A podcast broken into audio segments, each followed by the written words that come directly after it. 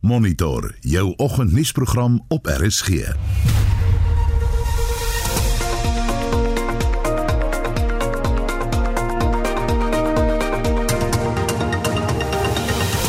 vandag se monitor Angela Merkel lê na 16 jaar die tuig neer. 'n Kenner bespreek haar nalatenskap. Gemengde reaksie op Matie se nuwe taalbeleid.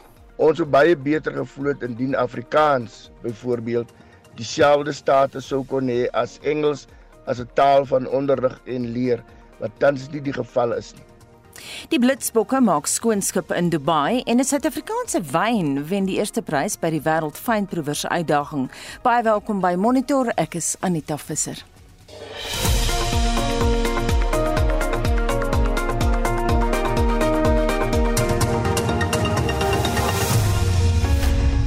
Jamie, wat sê die koerante?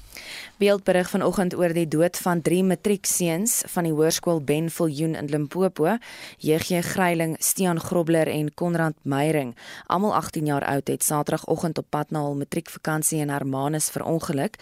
Die drie seuns het Woensdag hulle laaste matriekeksamen afgelê. Die oorsaak van die ongeluk word ondersoek. Die opskrif lei stil uh, sielstilte na drie jong mans sterf. Die burgerberig ook vanoggend hieroor, matriek sterf op pad na Hartenbos. Dan is ehm um, SA netbal ook in rou gedompel nadat drie spelers en 'n beampte gister in 'n busongeluk dood is. Die span was op pad na die nasionale kampioenskap in Kaapstad en die ongeluk het naby Aberdeen in die Oos-Kaap plaasgevind. Dit word nog ondersoek. En the Witness in KwaZulu-Natal berig ook oor 'n dodelike motorongeluk die afgelope naweek. Die opskrif daar lives shattered after horrific crash kills 7 people near Richmond. Dan berig the witness ook oor 12 vragmotorbestuurders wat na verwagting vandag in die Lady Smith Landroshof in KwaZulu-Natal gaan verskyn. Dit hou verband met die grootskaalse padversperring op die N3 tussen Van Reenenspas en die Tugela tolhek verlede Vrydag. Verkeer is die hele dag tot 'n stilstand gebring. Die vragmotorbestuurders is glo ongelukkig oor die indiensneming van buitelanders. En 'n ander nuusberig Volksblad vanoggend, Saru kry weer pak in Hoftwis. Die Suid-Afrikaanse Raad vir Opvoeders het misluk in nog 'n poging om die uitredende hoof van Grey College in Bloemfontein, Dean Skeepers, aan te kla. Saru wil hom verhoor op klagte van die, die dat hy die gedragskode vir opvoeders oortree het. En dit was Jomri met die oorsig van uh, nuusgebeure. Sy kyk altyd na tradisioneel en sosiale media. Dis nou kwart oor 6. Baie welkom by Monitor.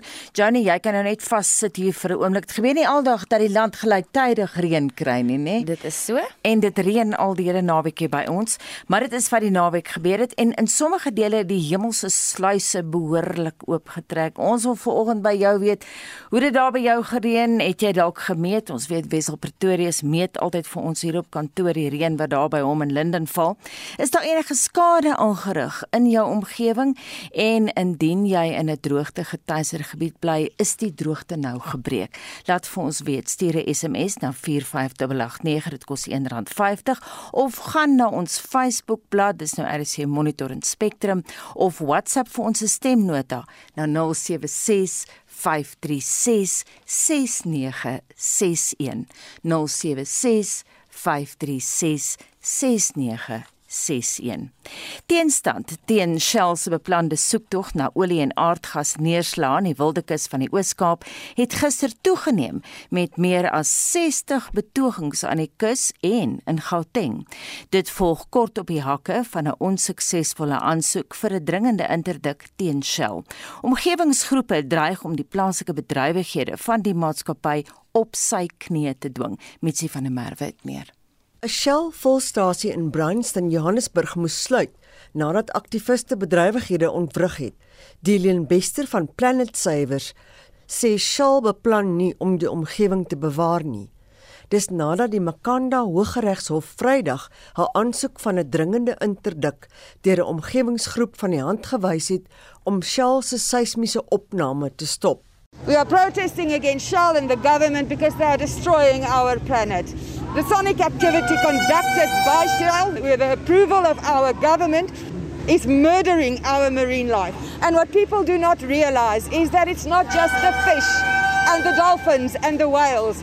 It's the microorganisms like krill and plankton, which is food for those big animals. And when they lose their food source, they die off and they are very important to our ecosystem. Ooskaapenaars het die stormagtige weer aangedurf om hulle standpunt te stel. 'n Omgewingskundige, Dr. Div de Villiers, glo daar word nie genoeg navorsing gedoen oor die uitwerking van seismiese opnames op die omgewing nie. The Wild Coast is one of the richest areas in the world in terms of biodiversity. It's a biodiversity hotspot. And I'm not just talking about the impacts on whales and dolphins, I'm talking about impacts on endemic species of fish, fish that only occur on the Wild Coast, of which there are a lot. You know, you're talking about species like your copper steenbras or red steenbras, um, like your white steenbras, which spawn off the Mbashi River at Dwesa. What are the impacts of seismic blasting going to be on the life cycles of those? Remember, the local people along the Wild Coast for hundreds of years have relied on the resources from the coast. Nog 'n omgewingskundige, Kelly Steenhuisen, sê hulle is bekommerd oor die onderwaterse geraas op die seelewe. Shell is saying that the seismic survey doesn't do anything to ocean life, but it's for oil drilling, and oil drilling does. So why do the survey and you know if you're not going to find oil?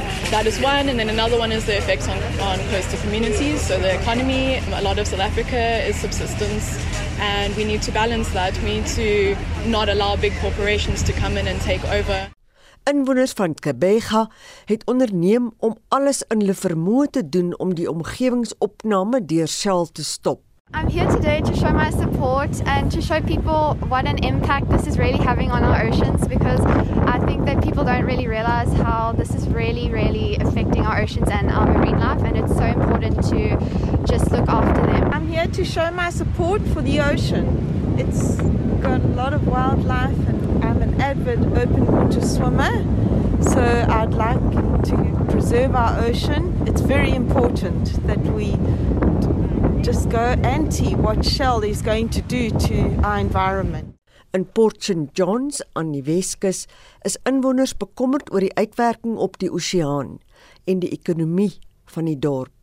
Nkobile Jojo is 'n plaaslike lewensredder en sê hulle kan nie skade aan die marine ekostelsel bekostig nie. We've got divers that come all over the world to experience and enjoy a certain run when the whales and sharks are having that thing called a bait ball. Once the blasting takes place, it's going to destroy everything. Remember that all the operators that strictly depends into this ocean, they will have no jobs and also the people in the community, all businesses will die. Die voorsitter van Shell Maatskappye Suid-Afrika, Hloni Piswe Mtolo, vra kalmte en sê hulle is bewus van die besorgdheid oor die omgewing. Volgens hom tref die maatskappy die nodige voorsorg. We take the environment very, very seriously as an organization, and it is very close and very dear to our operations, and uh, we will not knowingly do harm to the environment. Die Oos-Kaapse regering steun die opsporing van olie en gas. Abongile Jantjies het hierdie verslag saamgestel. Mitsi van der Merwe, SAK nuus.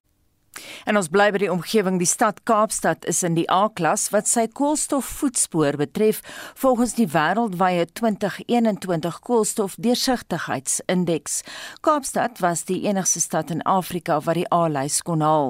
Die burgemeesterskomitee lid vir energie en klimaatsverandering, Beverly van Reenen, het aan Annelie Jansen van Vuren gesê dis te danke aan hulle klimaataksieplan. Ek is baie bly dat stad Kaapstad die A-lys status op die Afrika vasteland. Ek kan noem dat deur klimaatdata elke jaar deur die CDP aan te meld, is Kaapstad deursigtig oor sy klimaataksie, volg vordering, monitering van risiko en benchmarking teenoor ander stede wat soortgelyke uitdagings in die gesig staar.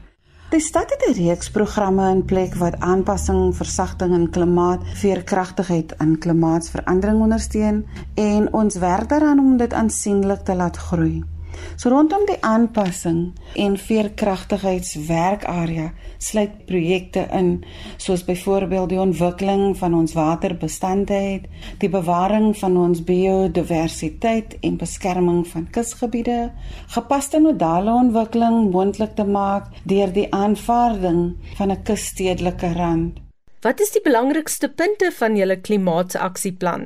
Rondom die versagting Anne Marie om ons kweekhuis gasvrystellings te verminder, sluit ons versagtingspogings in, soos byvoorbeeld die dryf van energie doeltreffendheid in ons eie munisipale bedrywighede, ook die vorming van regulatoriese en aansporingsmeganismes om netto nul koolstofgeboue te ondersteun die ontwikkeling van ons eie skoon energieopwekking, ook die verkryging van energie van onafhanklike kragprodusente, die IPPs, dit is wat dit bekend is as en dan ook ook om klein skaalse genering die SSEG moontlik te maak.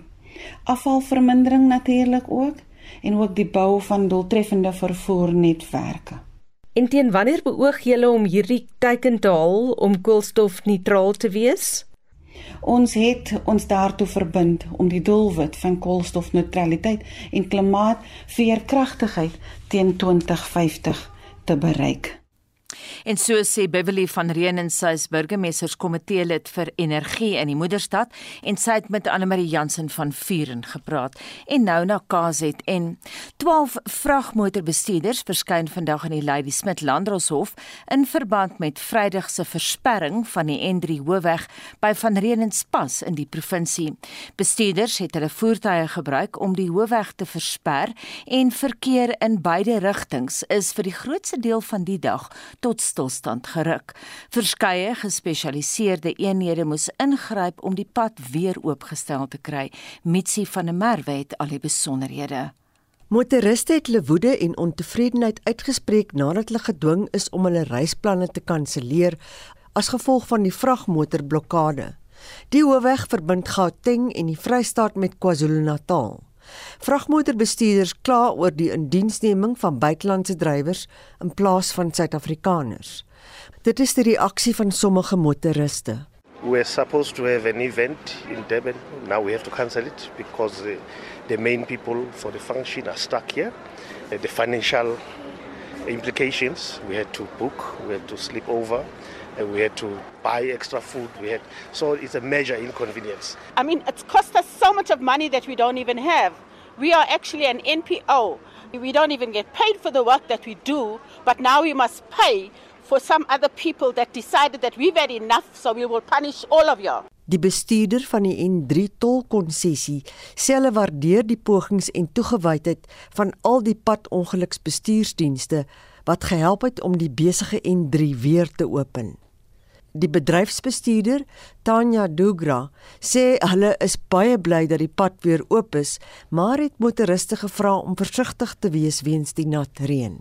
Traffic is currently flowing freely on the N3 toll route, and there have been no reported incidents of any disruptions to traffic flow. Motorists are advised to please stay alert when traveling on the route due to wet weather conditions, which are expected. Please follow N3 Route on Twitter or contact the 24 hour N3 helpline on 0800 634357 for official updates or to report issues on the N3 toll route. Baie goedere van Suid-Afrika en dele van Suidelike Afrika word op die N3 vervoer. Die sluiting van die pad het 'n negatiewe uitwerking op die hele streek se ekonomie. Sakeondernemings is bang dat dit baie ernstige finansiële gevolge sal hê terwyl hulle steeds verliese beleef. Wetstoepassingsagentskappe monitor die pad. Ismail Modiba het hierdie verslag saamgestel. Mitsi van der Merwe SAK-nuus. Intussen het verskeie vragmotors gister die N1 buite die moederstad naby die R300 afrit afgesper. Nou Jan Drey Becker, hy se provinsiale woordvoerder, sê hulle betoog oor buitelanders wat in die sektor aangestel word. Hy sê die verkeer is vir 'n halfuur ontwrig waarna die vloei na normaal teruggekeer het en die polisie is besig om die voorval te ondersoek. Jy luister na Monitor elke weekoggend tussen 6 en 8. Hoofnuus gebeure netmal Suid-Afrika bevestig die dood van 3 spelers en 'n beampte. Nog 'n skerp toename in nuwe virusgevalle en Angela Merkel lê na 16 jaar die tuig neer. 'n Kenner bespreek haar nalatenskap bly ingeskakel vir daardie onderhoud.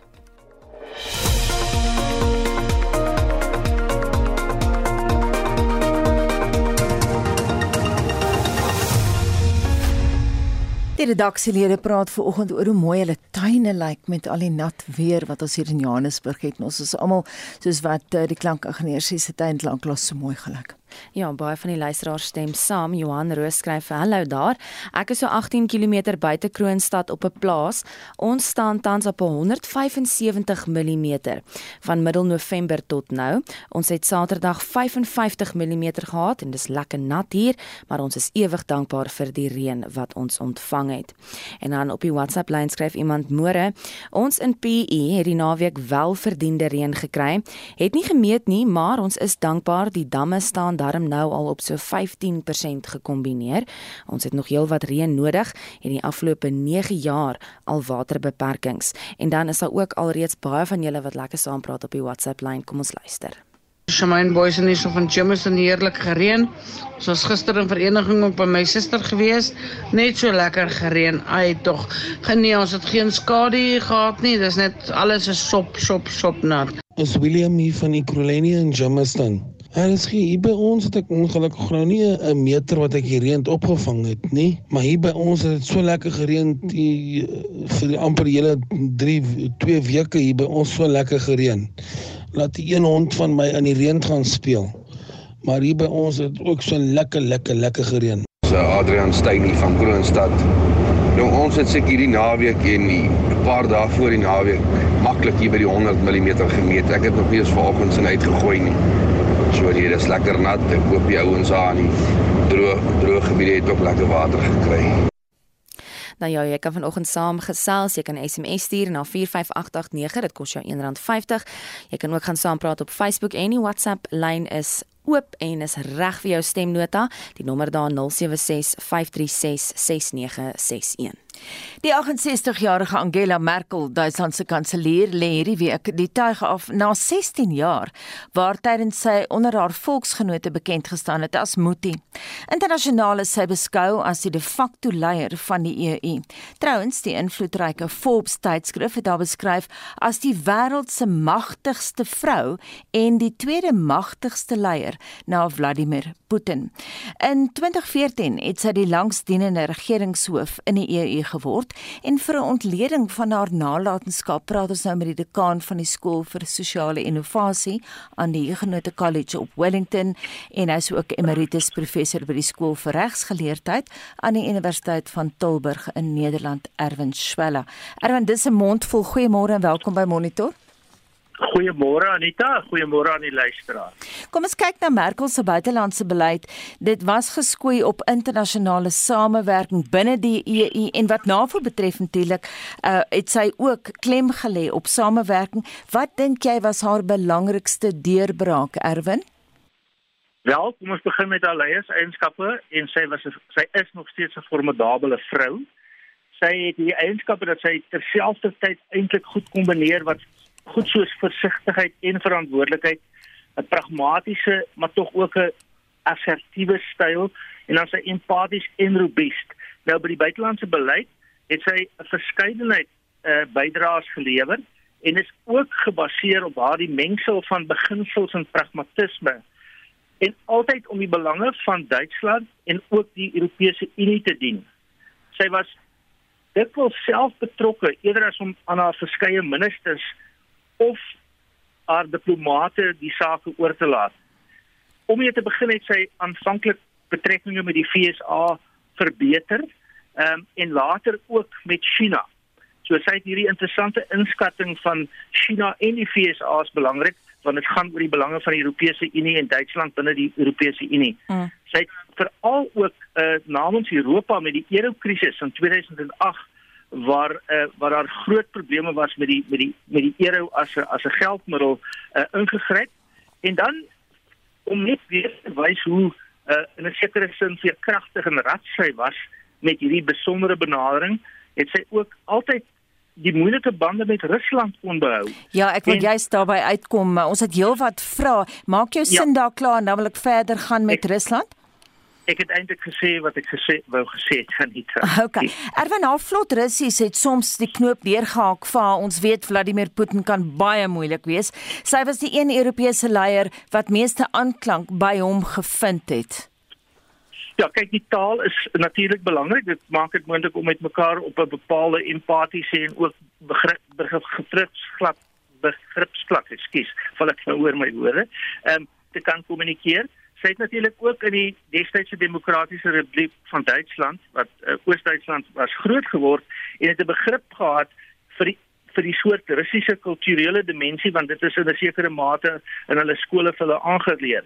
Dit dit het dus uiteindelik gehelp om haar betrekkinge met Rusland namens Duitsland goed te maak en dit was ook in haar belang want sy het terselfdertyd met kernkrag en bruinkoolkrag weggedoen en het die het die gas uh voorsiening van Rusland nodig gehad om haar energieprobleme te hanteer. Sy het dus op een of ander manier 'n soort rapprochement en 'n rapport gehad met Putin wat nie maklik is vir enige staatsleier. Mm. En Merkel was terdee bewus van die belangrikheid van China. Toe ek net die naweek bietjie gaan oplees oor haar, toe sien ek mos sy het baie goeie voorbereiding gehad want sy het sewe handelsafvaardigings Beijing toe gelei. Hoe suksesvol was haar beleid teen die Chinese erwen?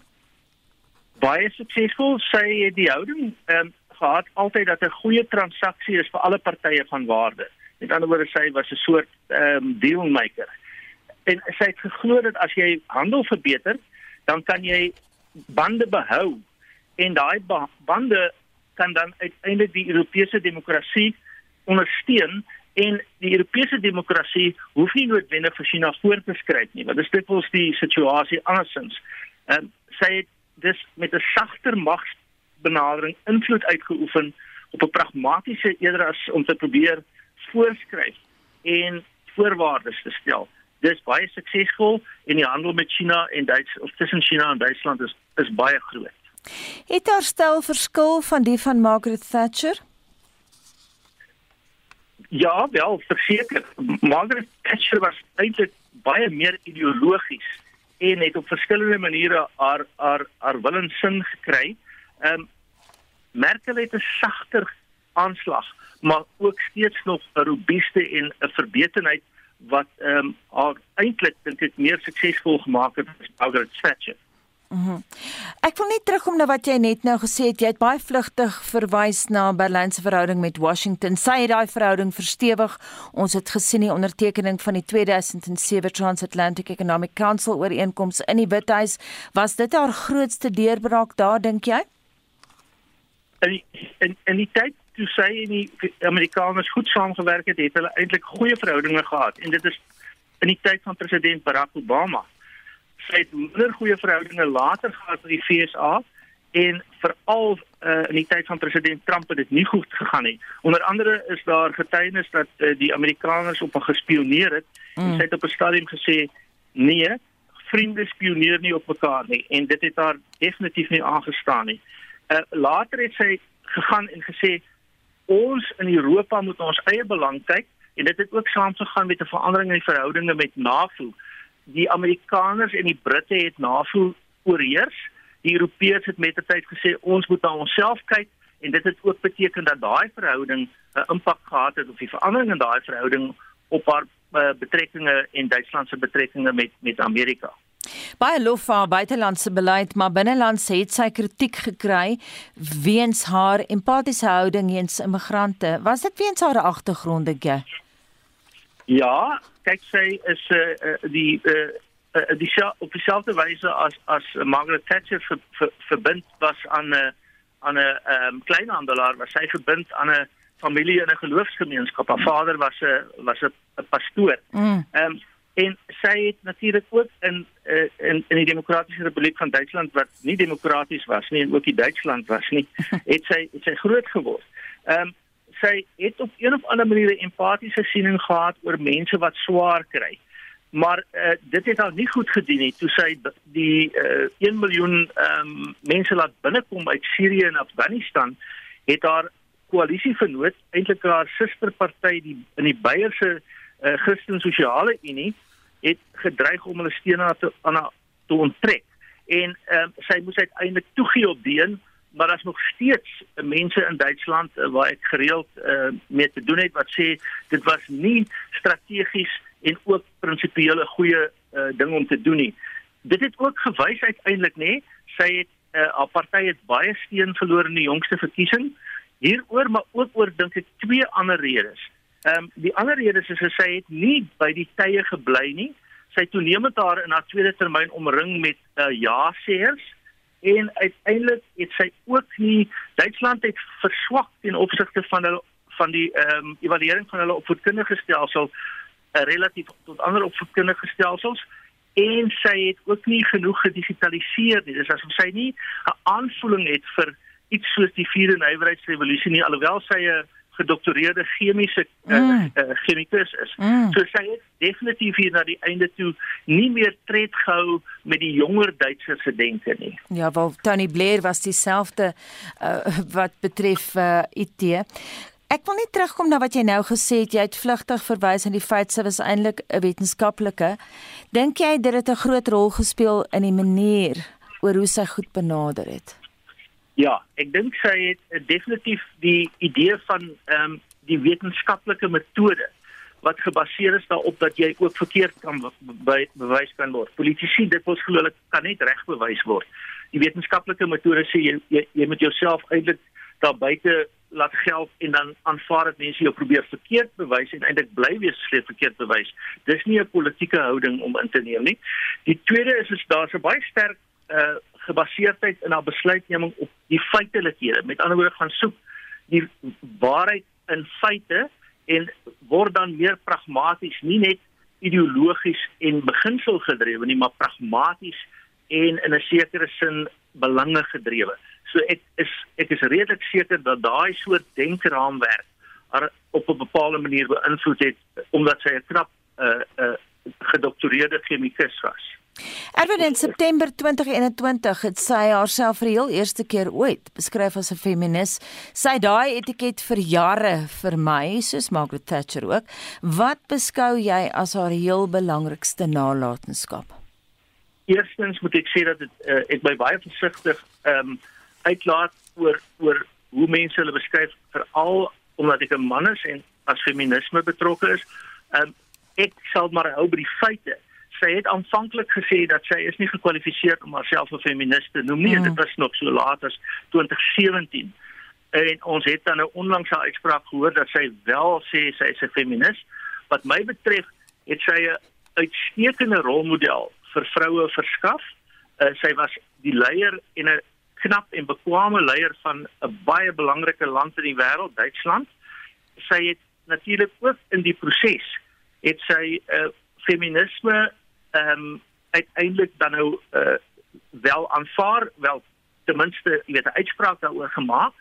En uh, dit het nie beteken dat van die feminisme uh, of die feministe haar altyd ehm um, goed geag het vir die feminisme nie.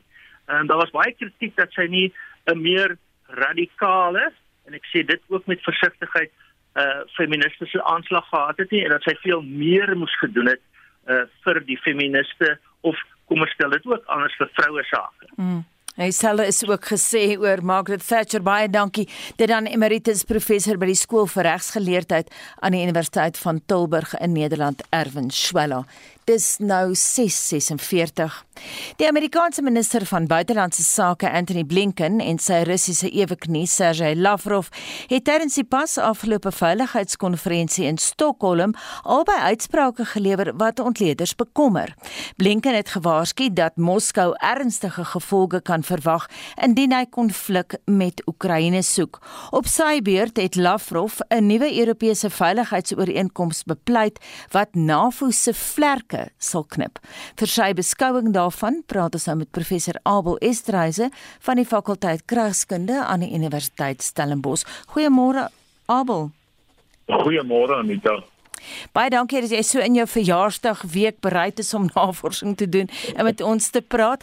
Abel, hoe bekommerd moet ons wees oor Moskou se ontplooiing van 90000 soldate op Oekraïne se grens? Ja, en en 'n mens moet baie sê dat Putin baie ontwykend ontwykend is in sy verduideliking van daardie ontplooiing. Maar ek dink daar's drie oorwegings wat onmiddellik vir my uitstaan. Die eerste is natuurlik die eenvoudige vraag hoekom Rusland sy magte daar ontplooi. Dit is nie asof die Oekraïne vir uh, Rusland uh, bedreig of 'n eksistensiële bedreiging is vir vir Rusland nie. Tweedens dink ek ehm um, dat Putin anders as sy westerse bondgenote 'n uh, uitgeslaapte en deurwinterde gebruiker is van wat deesdae algemeen as hibride konflik beskryf word of wat ek dan as grys konflik beskryf waar die lyn tussen vrede en konflik eintlik nie baie duidelik bestaan nie. En ons het dit al voorheen gesien in die Oekraïne dat dat Putin dit baie baie ehm um, uh, skillful vaardig uh, aanwend. En dan laastens is dit ook lopend dat daar 'n geweldige ongemak in die westerse inligtinggemeenskappe is rondom die Russiese ontplooiing. So die vraag te antwoord nee, maar dit beteken nie noodwendig uh, direkte militêre konfrontasie in daardie gebied nie. Sergey Lavrov blyk baie besorgd te wees oor NAVO se uitbreiding na die ooste. Hy verwys na Europa se terugkeer na wat hy noem 'n kalm aan 'n nightmare of military confrontation. Nou jy sê ons gaan dit nie sommer weer sien nie, maar dit blyk so al vir ons wat die Koue Oorlog baie goed kan onthou asof hier 'n tweede Koue Oorlog op pad is. Ja, uiteraard is daar 'n strategiese ongemak met NAVO se uitbreiding sedert die einde van die Koue Oorlog na gebiede wat uh, Rusland tradisioneel as sy sogenaamde neer abroad uh, beskryf. En uit 'n historiese oogpunt soos jy reg gesê het, beskou sou 'n mens kon kon argumenteer dat dat Rusland 'n punt beter Maar ek sou wel argumenteer dat 'n mens dit moet opweeg teen Rusland se eie baie aggressiewe militêr konfronterende benadering teenoor state van sentraal en oos-Europa. Tweedens, miskien ehm uh, moet mense in gedagte hou dat hierdie state van sentraal en oos-Europa natuurlik ook 'n reg tot keuse het om hulle eie uh, buitelandse beleids en en veiligheidsbeleidsbenaderings uh, te bepaal. En dan derdens uh, 'n uh, belangrike punt vir my is uh, Wes-Europa se militêr neutrale benadering. Ek het dit al voorheen beskryf as 'n sogenaamde post-military approach wat ons in Europa sien ontvou het, ehm uh, wat hulle veiligheid en hulle buitelandse beleid betref, ehm uh, van die Tweede Wêreldoorlog maar definitief hier van die Koue Oorlog, einde van die Koue Oorlog af. So ek wil amper uh redeneer hier hier dat Putin die een is wat die militêr neutrale benadering in in Europa uitbuit. Sê vir my, Lavrov het in Stockholm nou verwys na Amerikaanse medium afstand missiele wat blykbaar in Europa ontplooi gaan word. Weet jy iets daarvan? Ja, Anita, dit is baie interessant. Ek het nou gister weer moeite gedoen om uh Google te search vir die besogenaamde ontplooiing van van Amerikaanse missiele en alwaar mense afkom is Rusland geweldige media veldtog van verdagmaking daar teenoor die weste. Ehm um, ons moet in gedagte hou dat die Europese state self hulle ongemak uitgespreek het oor die moontlikheid van van medium en middelafstand missiele ontplooiings in Europa. Ehm um, en dan ehm um, Ja, mense moet die vraag vra of Amerika se missiele ontplooiing of ontplooiing indien hulle missiele ontplooi uh, 'n uh, groter bedreiging is vir vrede as as die Russiese ontplooiing van van ehm um, militêre magte en dan moet ons in gedagte hou uh, Biden het uh, president uh, Biden het dit baie baie eksplisiet gestel Biden het dit baie eksplisiet gestel dat uh, hy uh, die die state van sentraal en in Oos-Europa se onafhanklikheid beskerm en ek dink Putin moet dit verlus konteer. Mm -hmm.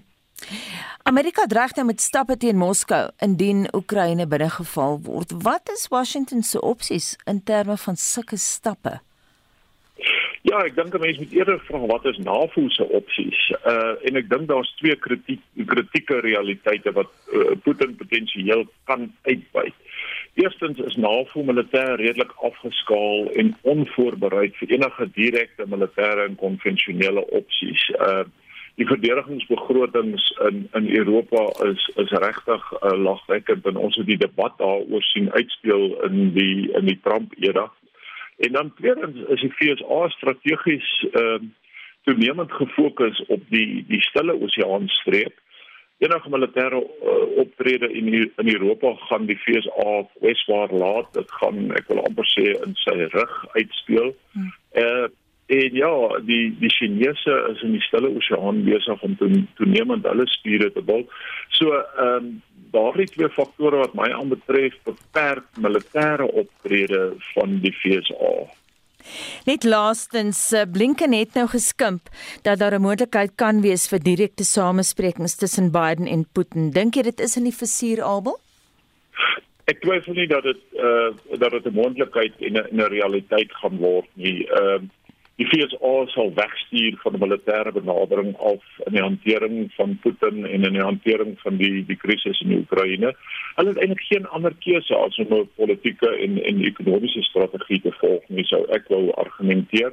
Ehm um, die probleem hier is natuurlik dat uh, Putin dit weet ehm um, en hy dit gaan hy dit waarskynlik gaan uitbuit en en dit is die probleem vir Amerika dat dat Putin ehm uh, sy politiek ekonomiese strategie gaan gaan uh, uitbuit en dan sit ons met 'n potensiële Sudeten krisis as ek nou die die 38 inval in Sudetenland kan kan aanhaal hier. Hmm. Dan sit ons met so so 'n tipe van krisis op hande wat nie goed is nie. Baie dankie en daardie waarskuwing kom van professor Abel Esterhuise van die fakulteit Kragskunde aan die Universiteit Stellenbosch. Ek moet sê Johnny, dis baie vreemd om hierdie tyd van die jaar in misweer werk toe te ry. Dit is so, ons wat so vroeg in die oggend ja. werk toe ry, sien dit nie noodwendig so goed soos vir die mense as die son begin opkom het sien nie.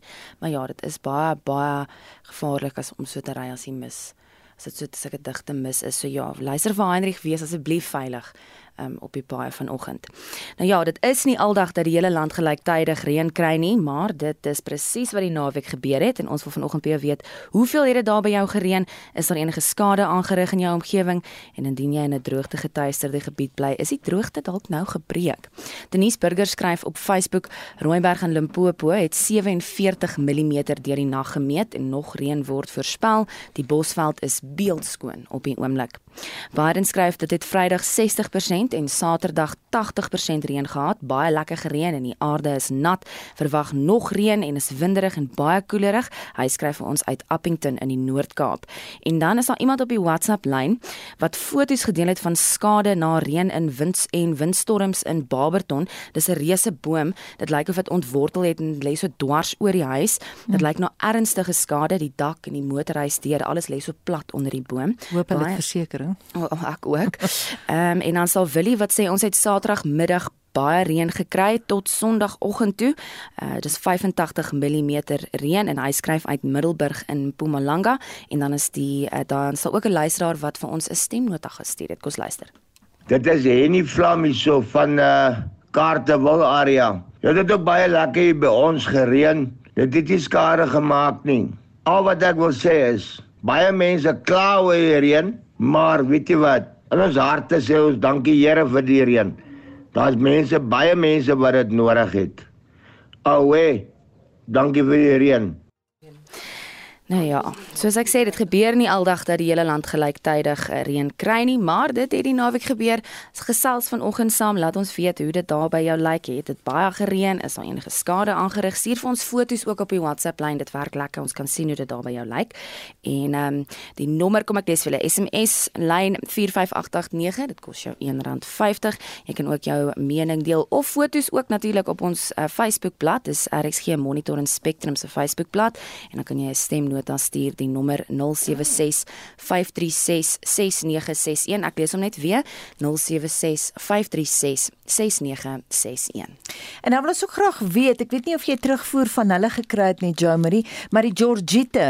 Ons het nou lanklaas na hulle gekyk, mense van George. Ons het nogal gewonder oor daai woord Georgite, maar toe het hulle self 'n Facebook bladsy Georgite. Het ons enige terugvoer van hulle gehad? Mense moet dalk kyk, hoe gaan dit nou met hulle na hulle groot? Niks nie, laat ons weet. Ja was vroeër die jaar.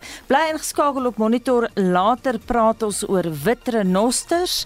Mense wat belangstel daarin bly ingeskakel vir daai stories na 10 oor 7. Maar dit bring ons by die 7 uur nuus.